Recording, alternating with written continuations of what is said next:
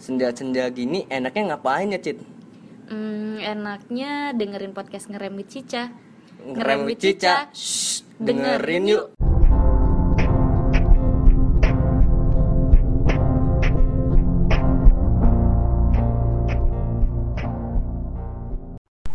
Di suatu desa yang indah, di tengahnya berdiri sebuah kerajaan yang sangat megah.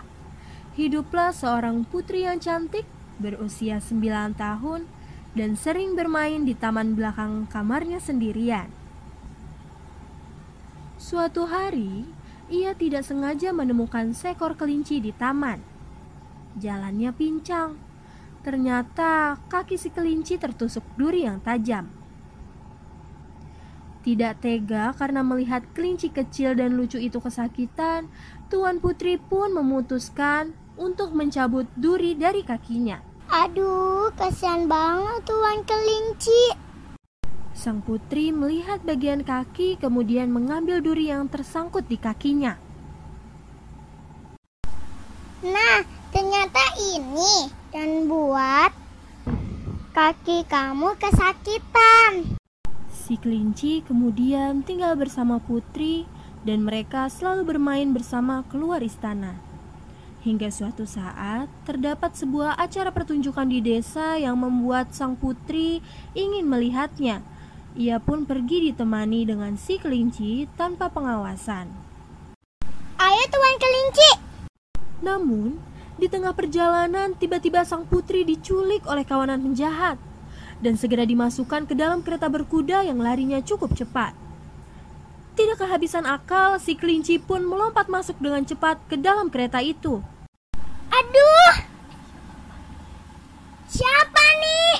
Tolong, tolong, tolong. Eh, Di suatu tempat yang gelap, putri dikurung di dalam sebuah sel.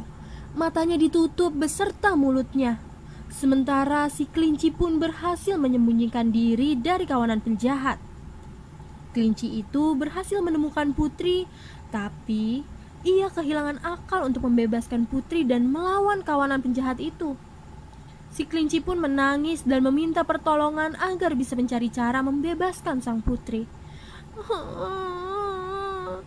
Bagaimana ini jika sang putri tidak bisa tertolong? Tolong aku siapa pun itu. Tolong. Tiba-tiba di dalam sel yang gelap muncul cahaya terang yang sinarnya makin membesar. Si kelinci pun silau karena sinarnya tersebut.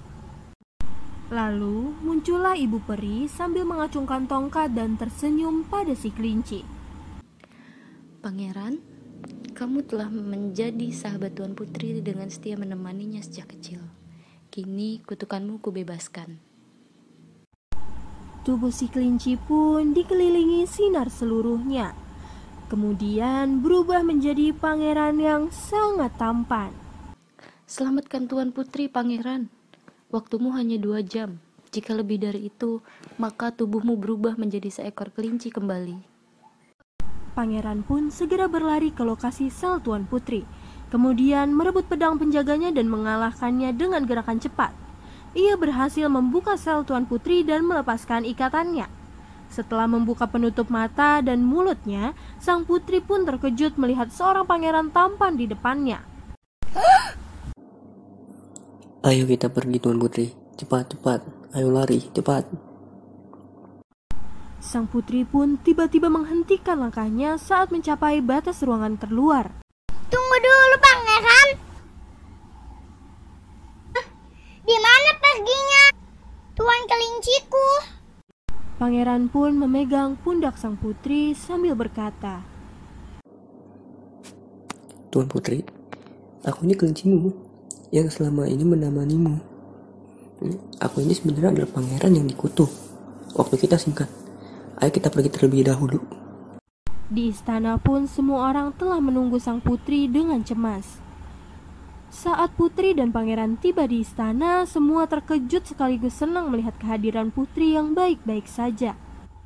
Melihat hal itu, raja mendatangi sang putri dan pangeran.